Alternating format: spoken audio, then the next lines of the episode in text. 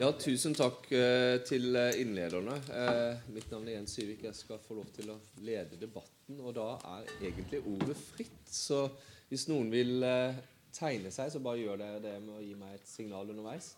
Eh, David, da tror jeg Ja, da tar vi også Vær så god, David. Du var først ute. Ja, jeg kunne ikke trekke fram eh, både det til Wilhelmsen og til eh, Østberg om eh, eh, Jeg synes det var interessant. Jeg så på et, eh, et snutt av en eh, propagandashow på uh, russisk TV hvor de snakka om Molte. Molte ble snakka om da, at han, vi må gjøre sånn som Molte sa. Og vi må, vi må få dem til å lese, skolebarna til å lese Herodotus. For da kan de skjønne, som de ville at tyskerne skulle skjønne, og som de ville at romerne skulle skjønne, og atenerne skulle skjønne, vi, eller grekerne skulle skjønne, at vi er sivilisasjonen og er omringet av barbarere. Og derfor må vi forsvare vårt imperie eller rike eller vår sivilisasjon.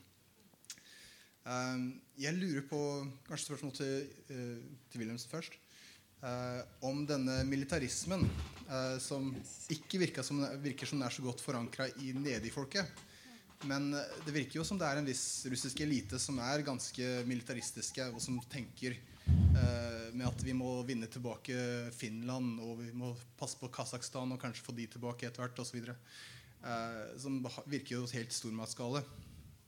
Eh, I forhold til, eh, med, eh, til Østberg så lurer jeg også på om de eh, Stalin sa jo etter krigen, etter at Berlin hadde falt, så sa han ja, nå tar vi 20-30 år, og så skal vi ha en runde to. Da kommer Tyskland til å være tilbake. Hva tror du er med det tyske samfunnet som gjorde at det ikke, at den militarismen på en måte ikke har fått sprunget tilbake slik den gjorde? De andre, alle de andre gangene de ble De eh, jo hadde jo tilbakeslag. Eh, og, for det virker jo som om Russland på en måte eh, savner sin beste fiende. at det er liksom det er eh, tyskerne I Aleksandr Nevskij og den russiske propagandaen så er det tyskerne som på en måte er den store fienden vestfra. Eh, og svenskene, da, historisk sett. Ja, jeg tror det Julie først. Ja, altså det, det som er litt problemet, det er å noen ganger å skille alt det som denne som jeg kaller spinnmaskinen, eh, alle disse debattene, eh, fra hvem som egentlig har innflytelse på russisk politikk, og hva som egentlig gjøres. Eh, og eh, et illustrerende eksempel det er hva som skjer helt i begynnelsen av denne krigen.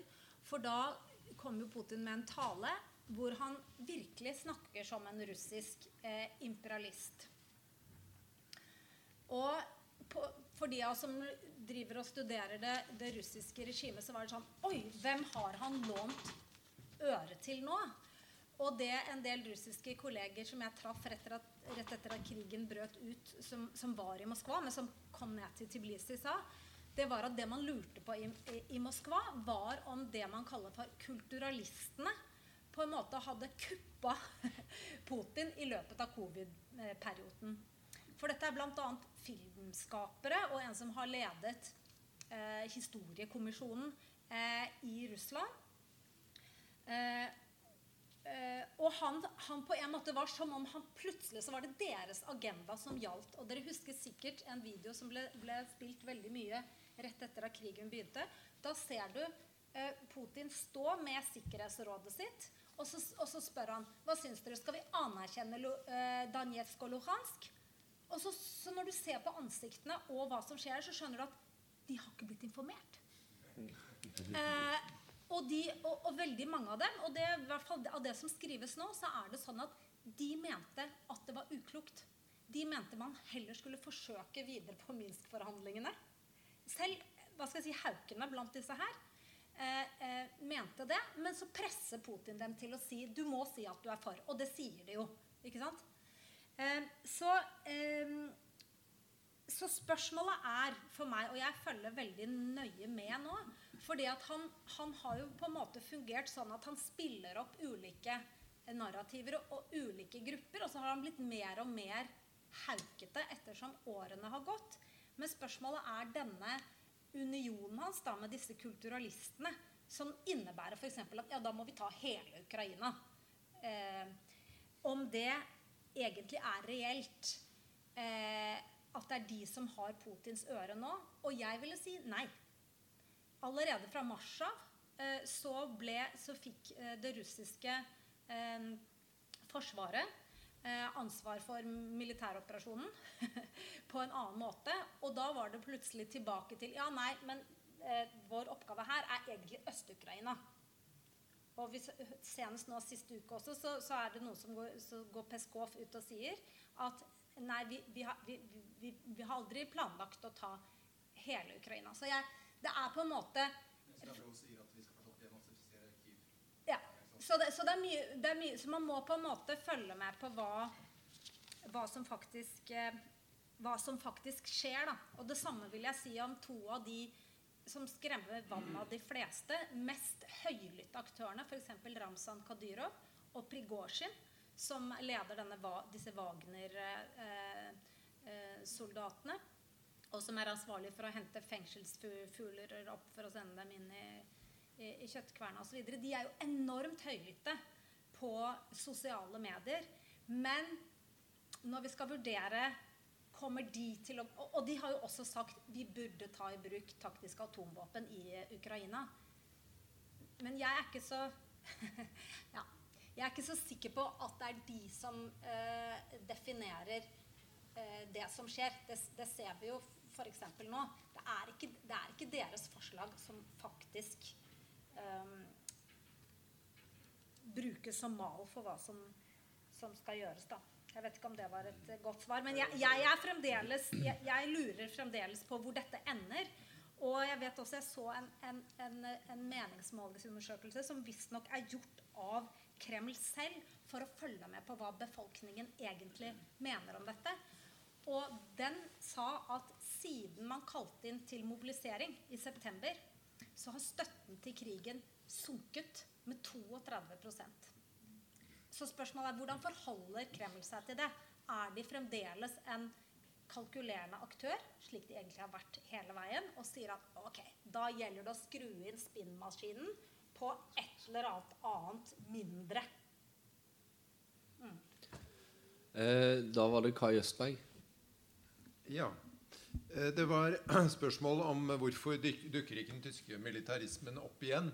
Eh, det fins jo eh, nynazisme som kjent i Tyskland også, og særlig i østlige, den østlige delen, som har svakere demokratiske tradisjoner, og som føler seg tråkka på osv.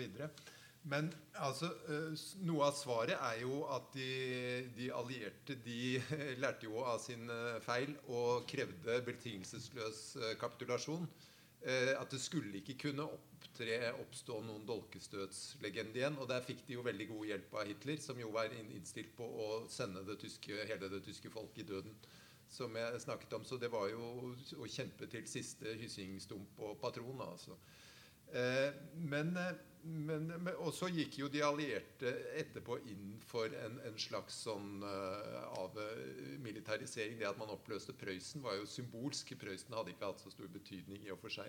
Men det er faktisk en her i salen, som, nemlig faren til Julie Wilhelmsen, som har vært med på avmilitariseringsprosessen uh, i, uh, i, Tyskland, så hvis jeg forsto det riktig. Men, men det, det er klart at det var mye Eh, det var mye som, eh, som, ble gjort. Men eh, samtidig så kan man jo si at Og jeg vil si sånn verdenshistorisk sett så tror jeg det er vanskelig å finne noe folk som i den grad har tatt et oppgjør med de negative sidene av sin fortid som tyskerne har. Og når du snakker om, om Russland savner sin fiende, så de har jo nesten fått en venn, kunne man si litt ondskapsfullt. Eh, altså det, de er jo veldig mye Putin-versters Altså Når Gerhard Schrøder greier å, å, å, gå så langt som han gjør, det sier jo noe om hvor, hvor, dypt dette nå sitter. At man skal søke forsoning og forståelse inntil naiviteten. Og det er jo først med angrepet på, på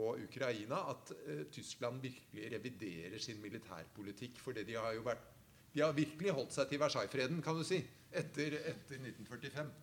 Uh, men samtidig så skal det sies at det et, var et seint oppgjør på visse måter. Eh, det var kanskje ikke før med den der Holocaust-serien som kom en gang med, med hun eh, Hva heter hun igjen? Den kjente amerikanske skuespilleren. Meryl Streep. Altså At holocaust f.eks. kom opp virkelig på nytt og var en del av en ny runde med tyske selvoppgjør. Så det var jo stadig oppgjør med, med, fortiden og hvordan den prøyssiske militarismen ble beskrevet også. Det ble jo sagt av den første historikergenerasjonen etter annen verdenskrig eh, så kunne man ennå ikke ta noe ordentlig oppgjør. Det måtte være generasjonen etter dem igjen. Som, som, for de, de historikerne de hadde jo vært involvert alle sammen. Det var jo nesten ikke, Også de intellektuelle var jo så dypt øh, rotet inn i hele dette regimet. Var det noen som ville Ja. ja. Ok, men da, da, gir jeg meg med det. Eh, jeg vet ikke, James, var det til dette en kort kommentar? Ja, det er uh, til dette fordi uh, det var faktisk i forbindelse med denne, dette 68-opprøret i Tyskland at denne historiestriden oppsto. Og de vil gjerne ta, ta avstand fra sin, uh, sin foreldregenerasjon, som de, de mm. uttalte som, som, som Hitlers venner.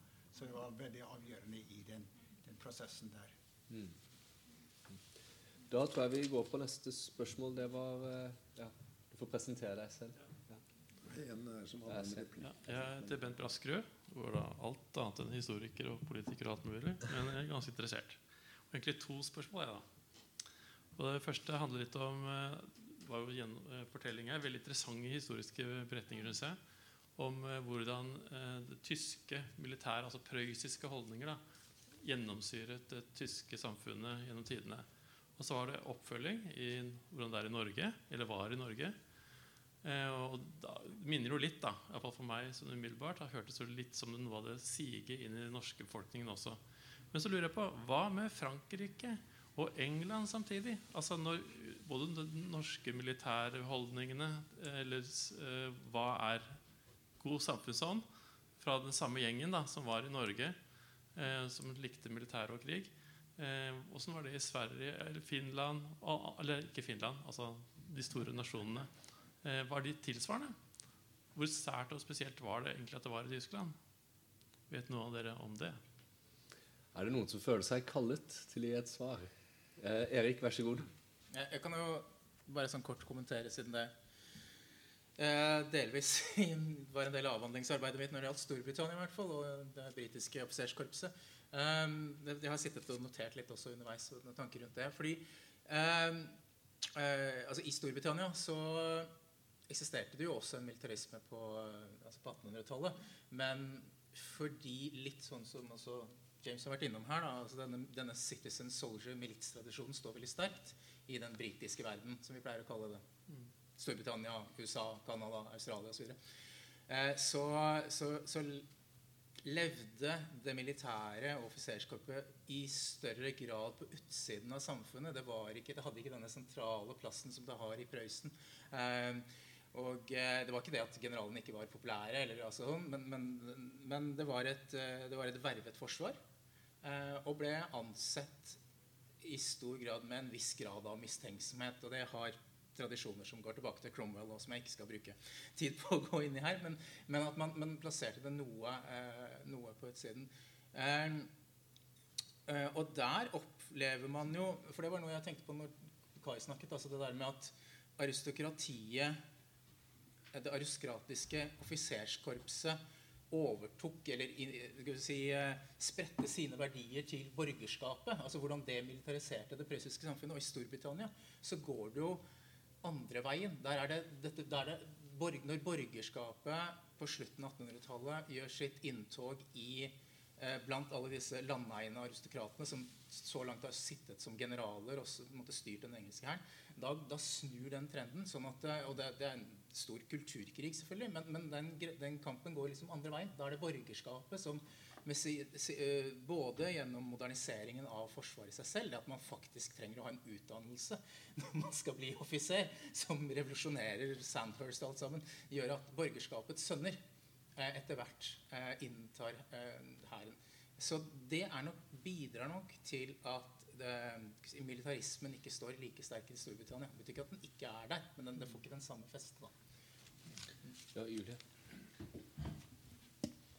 Nei, jeg bare Noen refleksjoner rundt uh, Storbritannia da fra et mer sånn sosialteoretisk perspektiv. Jeg syns det er veldig interessant hvordan eh, Storbritannia under Boris Johnson, som jo har begynt å snakke om 'global Britain', som for meg ser som det er et slags sånn postkolonialt eh, kompleks som åpenbarer seg. Og det er helt klart at militærmakt eh, har en, eh, en spiller en stor stor rolle i hvordan de projiserer denne identiteten sin som eh, global eh, stormakt. Og det har helt konkrete utslag. F.eks. hvis vi ser på eh, våre nordområder, så er det sånn at Norge har ikke villet eh, seile med militære fartøy inni eh, fiskevernsona til Russland. Fordi vi har en, en slags sånn stilltiende enighet med Russland om at vi holder litt avstand. De som har vært mest ivrige på det, er ikke bare USA, men i veldig stor grad Storbritannia. Og det samme ser vi i farvannet rundt Ukraina, Svartehavet. Det er de britiske skipene som, eh, som på en måte ja, er, er, synlige der. Og det samme med ja, i det hele tatt det som eh, eh skjer eh, i Arktis også. Hvis du ser på nå, dagens eh, britiske dokumenter om hvordan de nå skal gjøre seg gjeldende i Arktis, så er det stort sett en militært eh, nærvær. I tillegg så har de jo nå virkelig børstet støv av sin Trident capacity, altså to kjernevåpnene. For det er på en måte symbolet på at de er en, en stormakt. Da. Det er kjernevåpenet. Eh, da er det Nils Ivar eh, først. og så ber jeg deg om at jeg prøver å fatte det litt i korthet, så vi kommer videre til neste spørsmål. Ja, nei, ja, ok, Jeg skal si veldig lite. Altså, Det fins jo en, en milita tydelig militarisme militær elitisme i Frankrike. Det, vil ikke jeg si så mye om siden vi har uh, Kai her. Men du nevnte både Sverige og Finland. Det er klart, altså mellom, uh, På 1800-tallet altså, Vi har vel kanskje et bilde, det er mange nordmenn her, sant, av uh, Sverige som mer aristokratisk og med, litt mer preget av, av militære verdier. Det er, men det er nok en gradsforskjell. altså at uh, Militære offiserer har nok noe er nok mer synlig i samfunnet. Liksom, preger det kanskje litt mer. Men forskjellen er ikke så stor som man kanskje skulle tro. For I norsk historieskrivning og samfunnsforskning har man heller tonet ned hvor mye av dette som også var i Norge. Men jeg hadde lyst til å si, si to ord om Finland. De slipper unna russisk verneplikt. Altså, Finland er et russisk storfyrstedømme fra 1809 til 1917. Um, ehm, de slipper unna russisk verneplikt. Men når russerne prøver å innføre det, helt på tampen av 1800-tallet, så går det ikke. Altså det, det blir vernepliktsstek og veldig store problemer. Altså slik at Der er det en slags eh, folkelig motstand, eh, nasjonal, nasjonalistisk motstand da, altså mot å la seg liksom, gjøre til en del av det russiske krigsapparatet. Da var det Kai.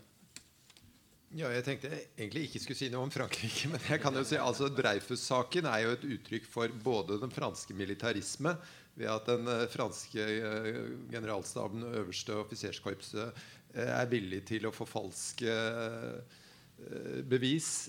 De vet at Dreyfus er uskyldig, flere av dem. Og allikevel kjører de videre for å, for å forsvare hærens ære. Men de taper jo, da, omsider takket være Bjørnson og Edvard Grieg og noen andre. Ja, ja, De blander seg inn. Men uh, Det er ikke først og fremst derfor, men fordi det er en sterk republikansk tradisjon. Og det er et parlament som har myndighet. Og de greier faktisk å knekte dem. Og etterpå så blir det utrenskninger som er, var nødvendige, og som burde vært i Weimar-republikken. Det er det som mangler. Utrenskninger høres ut som et fælt ord, men når det betyr å skifte ut folk som, uh, som ikke hører hjemme der og ikke er lojale eh, mot eh, et demokratisk eller republikansk system. Eh, så, så, det er det man faktisk får gjort, og da får kontroll over hæren. Men fransk militarisme, altså når du tenker på deserteringene på slutten av, av første verdenskrig, og den, de, de uh, henrettelsene man foretar, som skjer i en offensiv militær strategis navn Det er jo vanvittige militære disposisjoner. Man også sløser med menneskeliv på samme måte som Putin gjør nå. Så det er mye å si om den der franske gloaren. Men det jeg egentlig skulle si noe om, var uh, Storbritannia. fordi en ting er at det med identitet, selvbilde og sånn De har parlamentet, som er en uh, institusjon fra 1200-tallet, som er et kollektiv styreform, og som er så nært knyttet til deres identitet. Og det immuniserer dem mot diktatur. Men det immuniserer dem ikke mot imperialisme. For, for eh, parlamentet var jo suverent, og parlamentet satt og godtok kriger og ønsket seg kriger fordi det var i handelsinteressens eh, tjeneste, eller det var i eh, imperiets tjeneste. Og jeg mener Det som er problemet for Storbritannia, er jo at de vant krigen. Og de tror at de er en stormakt. Men de er jo ikke det. Men den der illusjonen også både for Storbritannia og Frankrike er jo De mangler jo hele selvoppgjøret som Tyskland har tatt. Og det er jo meningsløst matematisk og politisk at de to maktene sitter i FNs sikkerhetsråd. Det er jo bare en sånn eh, antikvert greie. Det skulle jo vært EU som satt i, i FNs sikkerhetsråd. Uh, og kanskje uh, Ja. Men i hvert fall det, det, Så det dreier seg om at liksom de har kunnet opprettholde illusjonen om, om, om, storhet som er farlig. Og som Danmark fremheves jo som et eksempel på noen som har greid å omstille seg til å være en småstat, men til gjengjeld kanskje eh, underslått litt for mye siden imperialistiske fortid. Men, men nå er de jo ikke, lider de jo ikke av det, i hvert fall. Ja, det, det. det, er vel fortsatt en sang som heter 'Rule Britannia'? Ja, men, ja, ja, ja. Og den, den, den liksom tas egentlig altfor uskyldig. Jeg har en ting da, som kanskje er litt mer up to date, som er uh, om framtid. Der, uh, altså, uh, min historisk kunnskap er slik at uh, andre verdenskrig begynte etter pga. første verdenskrig. I hvert fall sånn som det ble fortalt. da.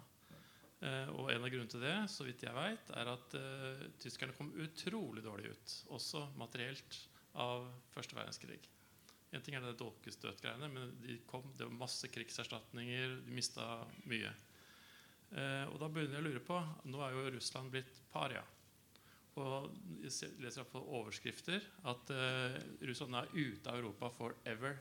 Ingen vil handle med Russland mer. Ferdig snakka. Minner meg sånn umiddelbart litt om eh, mellomkrigstidens eh, Tyskland. Og skal man lage en varig fred, så kan man ikke bare gi folk et skikkelig tupp i ræva og så ferdig med dem. For de lever jo likevel. Så hva skjer da? Så det er litt sånn litt åpen uh, Du kan tenke litt rundt det, så det hadde vært litt spennende, faktisk. Eh, Erik? Jeg, jeg ser bare jeg kan kommentere akkurat uh, Versailles-traktaten. Altså, det er, den, delen, er, er, delen av min historie. Så er nok altså, uh, Så kan dere andre bruke tiden til å tenke uh, på fremtiden. Men uh, så er nok det en, en viss overdrivelse og delvis en konsekvens også av Hitler og nazistens egen propaganda. Hvis man ser på tallene, så er, kan de virke avskrekkende og store. Men hvis vi f.eks. sammenligner dem, som Margaret Mellon har gjort, da, og sammenlignet dem med oppgjøret eh, som Tyskland eh, eh, satte for Frankrike etter den eh, mye nevnte fransk-russiske krigen, så står de ikke tilbake for det. sånn at eh, vi, vi, skal nok ikke se oss helt blinde på at, uh, at dette, det økonomiske oppgjøret var så strengt. Eller hvis vi også for sammenligner med Brest-Litovsk-freden, altså mellom eh, Russland, eller det nye regimet i Russland og, og eh, sentralmaktene. Så, så det en, en, den trenger nok en viss modifikasjon, akkurat den, den historien har fått leve, leve ganske lenge. Ja, det, var, ja, det var i samme gate. Jeg er helt enig med det jeg sier, altså, Det har vært veldig overlevet hvor ikke knust Tyskland ble. Men det som jo ble knust, det var jo deres stolthet, som Kai har vært inne på. Der er det vel en parallell med dagens uh, situasjon. At det man skal vokte seg for, er jo å behandle mak oh, ja, makter på en sånn måte at de føler seg så sterkt ydmyket at de er nødt til å gjøre noe med det. Det, for det gjorde, jo, det gjorde, jo, tyskerne, og det kan vel være en fare for at uh, russerne også gjør da. Ellers Når det gjelder økonomiske sanksjoner, så er det jo en sånn vestlig forestilling det der at de er globale. altså Det er jo en god del vestlige land som har innført mer eller mindre effektive sanksjoner mot, mot, Russland. Og så er det en god del store land i verden som ikke har gjort det. Så det, det blir noe litt annet, føler jeg, da, enn Versailles. Eh, da tror jeg vi går videre. Neste spørsmål. Er det noen som ville si noe mer om dette? Nei? Eh, det var eh, du Ja, flott det. Hvis du presenterer deg selv. Jeg sitter her og lurer på dette med Et samfunn er jo ikke alltid enhetlig. Det er forskjellige dimensjoner som må balanseres. Hvordan er det med et samfunn som ikke har noen islett av militarisme? Er de i stand til å forsvare seg? Har de vilje til å forsvare seg? Og hvordan er det med demokratisk styring av militæret når man erklærer eller havner i en krig? Altså, Vi har jo krigslover. Så en eller annen kombinasjon her må det være uten at det militære skal overstyre det demokratiske. Og den, øh, den tenkningen den har jeg ikke hørt her. Det er ikke noe beskyldning mot denne forsamlingen, men jeg syns det er et like aktuelt og interessant tema. La meg f.eks. si gjeninnføring av allmenn verneplikt. Er det militarisering? Eller er det et integreringstiltak? Eller kan det være begge deler? Og hva om vi skal være i stand til, da, hvis vi tolker verden sånn som den ser ut akkurat nå, til å møte en invasjon fra hvem den nå måtte være? Må vi ikke ha et visst islett av militarisme? Jeg vet ikke. Jeg stiller det som spørsmål. Noen som James? I den sammenheng så syns jeg det er interessant å, å trekke fram uh, denne løsningen som vi får på, på 50-tallet i USA. Uh, der man tenk, tenker seg at uh, politikere, folkevalgte, som kjenner til militære verdier, og som Eisenhower som soldatpresident opplevde på, på, på, på kroppen det er på en måte, måte å få de, de, militære verdiene inn i sivilsamfunnet på, som likevel, i tilfelle Eisenhower, ikke støtter ifra seg de liberale verdiene og demokratiet. Um, som sagt, den tenkingen der uh, ble til dels diskredert under uh, under oppbygging av dette militære industrielle komplekset, der man på en måte følte at man ikke hadde kontroll lenger over eh, de militære. Det hadde for mye å si da. Um, men det dilemmaet tror jeg vil alltid være til stas. Eh, og det er jo en omvending da i, i fredstida. Eh, var det nye med den kalde krigen var i hvert fall for USA og sikkert resten av verden, at man måtte leve i en permanent tilstand av uh, ytre trussel. Akkurat som i dag. Det er enig. Slik at det, og det, det, det, er på en måte å finne Og Huntington var veldig opptatt av nettopp å få denne balansen mellom uh, behov for et sterkt uh, militært forsvar, et militært vesen, og eh, de liberale, eh, demokratiske verdiene som, som, USA var på en måte eh, bygd på. Eh, så, eh, men det er på en måte eh, en balanse. dere da Jeg vet ikke Jon, tegnet du deg? Ja, vær så god. Da får du ordet nå. Jeg tenker dette er jo De fleste av oss vi diskuterer jo her eh, et litt mer moderne bilde enn det jeg eh, dro opp innledningsvis. Men jeg syns det var et veldig interessant spørsmål. Og jeg tenker kanskje eh, noen andre av dere kan også reflektere litt over det. For det, vi har jo disse Både den romerske republikken, som jo har, som jeg prøvde å skissere, som jo har et ganske stort sånn folkelig element, og har nettopp denne ideen om bondemilitsen, som, som skulle verne om, om Roma og fedrelandet. Og vi har jo demokratiske Aten, selvfølgelig, som er et av de mest gjennomsyra demokratiske samfunn eh, vi, vi veit om i, i, historien. Men som også var en imperialist. Eh, så, så det, er, det, er, jo ikke sånn at, at eh, stor grad av si, liberale holdninger jeg vet ikke om vi skal bruke ordet liberale holdninger om, om, dette, i det hele tatt, men i hvert fall demokratiske elementer og, og folkemakt uh, behøver jo slett ikke å, å være antimilitaristisk. Og det er jo veldig tydelig for, for, den romerske republikken særlig, som jeg prøvde å si, som jo ble en veldig ekspansiv og ganske eh, effektiv militærmaskin. Eh, også fordi folket eh, ser seg tjent med det og vil være med på det.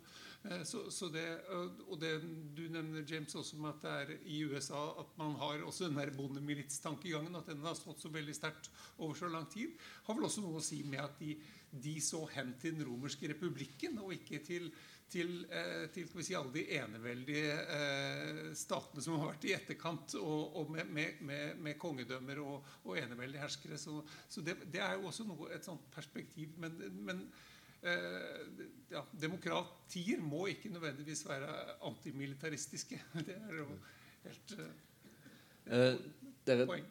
Unnskyld. Eh, både Julie og Nils Iver har tegnet seg, men jeg har et spørsmål fra salen nå. Jeg, jeg, og vi begynner å renne ut for tid, så derfor tror jeg spørsmålet fra salen skal få lov å komme først. Jeg vil bare takke for et veldig interessant seminar som gir så mange perspektiver på vår egen samtid. Eh, det vår egen samtid lengter etter, er jo en tro på at fremtiden kan være annerledes enn fortiden.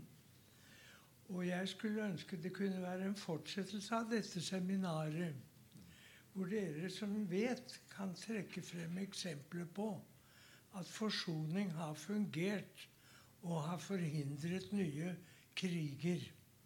Så det var bare en liten oppfordring til deltakerne. Tusen takk. Eh, dere, Vi skal begynne å gå inn for landing, men jeg tenker kanskje panel skal vi ta en runde gjennom panelet. Eh, og da kan kanskje følger jeg den talelista vi avbrøt. Så Nils Ivar, du kan begynne. Ja vel, eh, men jeg kan gjøre det kort pga. at Jon sa en del av de tingene jeg hadde tenkt å si om uh, militser. og liksom, For jeg syns jeg har vært innom dem også, både i USA og i, i, i Romerriket og for så vidt den franske revolusjon. Og i, i, det som jeg kjenner best, altså forbildet for liksom den demokratiske mil, mil, militsarmé som norske offiserer så hen til, det var jo Sveits. Uh, man hadde en forestilling om at Sveits hadde en sånn uh, borgervern som ikke kunne brukes utad, men som kunne så det er jo en tanke som er gammel. Jeg hadde faktisk et lite spørsmål til uh, Jon. Ja. ja, ta det, også, så får han svare på det i slutten. Jeg skal ta, ta det altså på grunn av at du, du ser altså fram til republikkens fall, men vi har jo et begrep som er inne i samfunnsvitenskapen og historieskrivning som heter pretorianisme.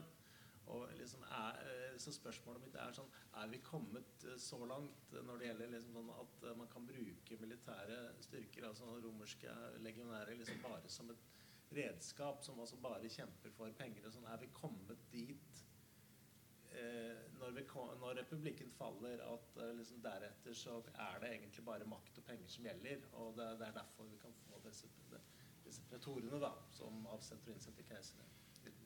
Da, Jon, da får du din sluttreplikk og også mulighet til å svare på Nils Ivar sitt spørsmål. Ja, jeg tror nok det, det, det tar nok et, en, et, stykke tid før man kommer uh, rundt til det. For det som jeg prøvde å skissere opp, disse fire søylene som jeg mente at den romerske keisermakten hviler på, Eh, de sto de ganske stødig på over en god stund. Men så, så blir det til slutt eh, på en måte militærmakten som blir den alt viktigste. Eh, og dette, dette skal vi si, republikanske fernisset, det, det, det, blir, borte også. Det behovet for å støtte seg til et senat som, som jo keiseren hadde til å begynne med. Og så, så det er en lang, langsiktig overgang her til, til dette. Men det, det det er jo sant at Pretonianergarden kom jo med keiseren. For det ble keiserens personlige livvakt.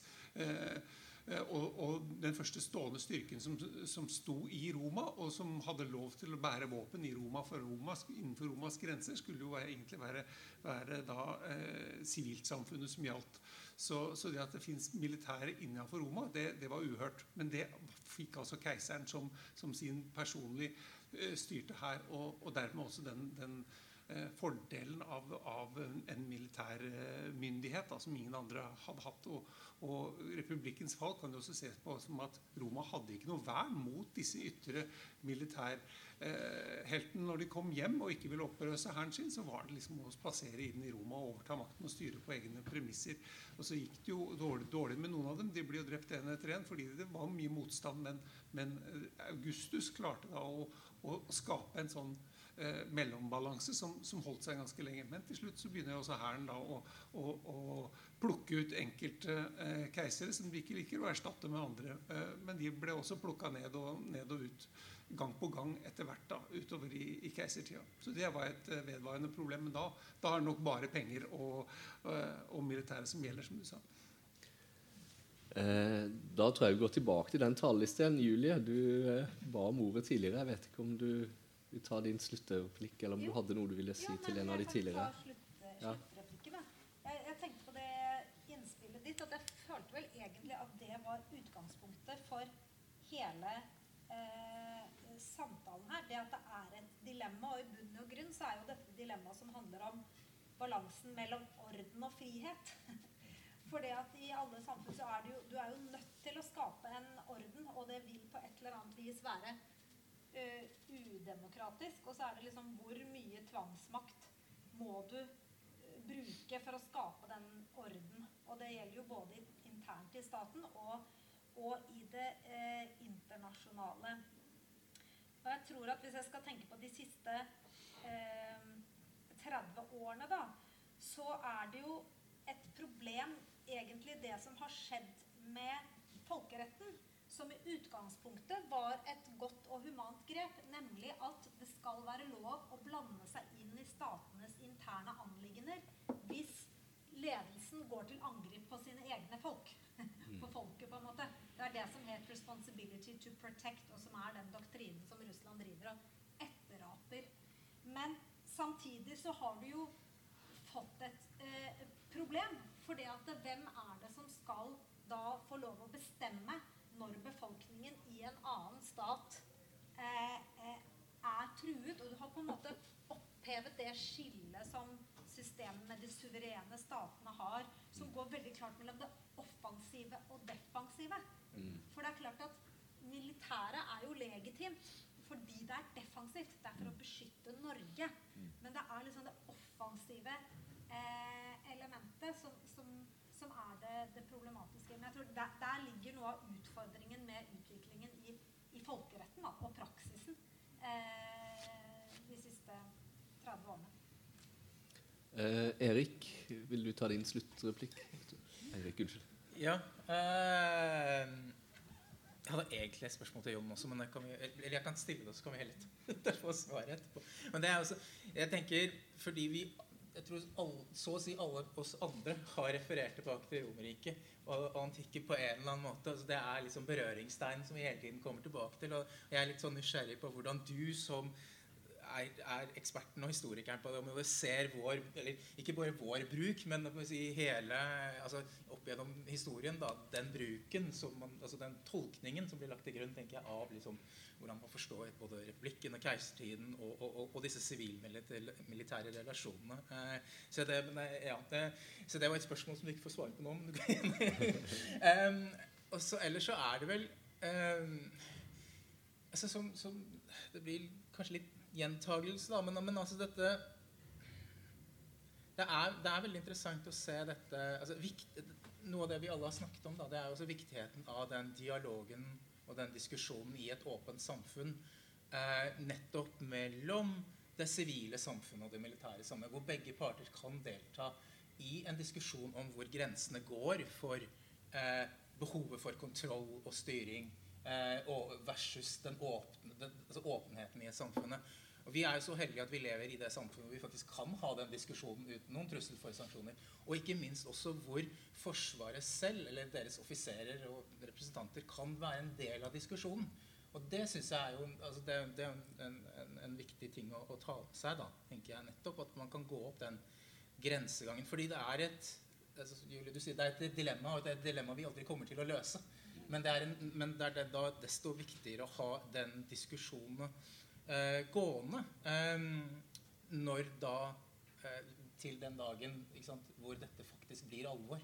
For, altså hvor dette kan, kan dukke opp. Og det, ehm, det fikk meg også til å tenke på et annet spørsmål egentlig, til Liss Ivar. fordi i boka som du har liggende der, i innledningen der så stiller du, stiller du et spørsmål eller en, en, observasjon som jeg lurer på om du fremdeles er enig i om at, at vi i norsk historieforskning har fokusert altfor lite på sivile militære relasjoner i den for akkurat i den 1905-perioden og i tiårene fram til andre verdenskrig.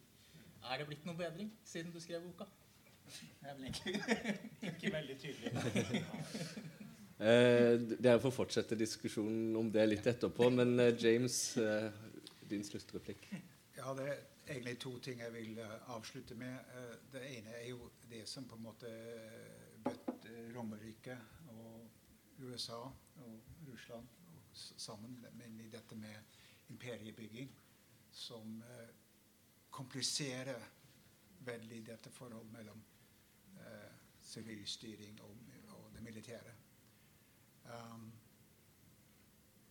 og det andre er jo det som vi på en måte ikke har vært så mye inn på, kanskje litt Julie, da, med bruken av det militære i fredstida i sitt eget samfunn. Eh, eksempler som jeg hadde fra eh, 70-tallet med disse fire studentene som ble skutt ned i State. Um, eh, egentlig, det var, det var, på en måte en milits som var fullstendig ute av kontroll. Um, ok, Kanskje sier vi at det ikke skulle ha vært der. Men hva med hvor var nasjonalgarden når det gjaldt storming av mm. Kongressen? Skulle ikke ha vært der da? Mm. Så, så, så, sånn at denne problematikken går egentlig inn i en uh, innenrikspolitisk sammenheng. Uh, og det er liksom det, interessante med Trump da, at han er jo som Eisenhower. Han er ikke så interessert i å drive disse store krigene i utlandet. Men uh, på hjemmebanen så var det jo en, en annen praksis, da.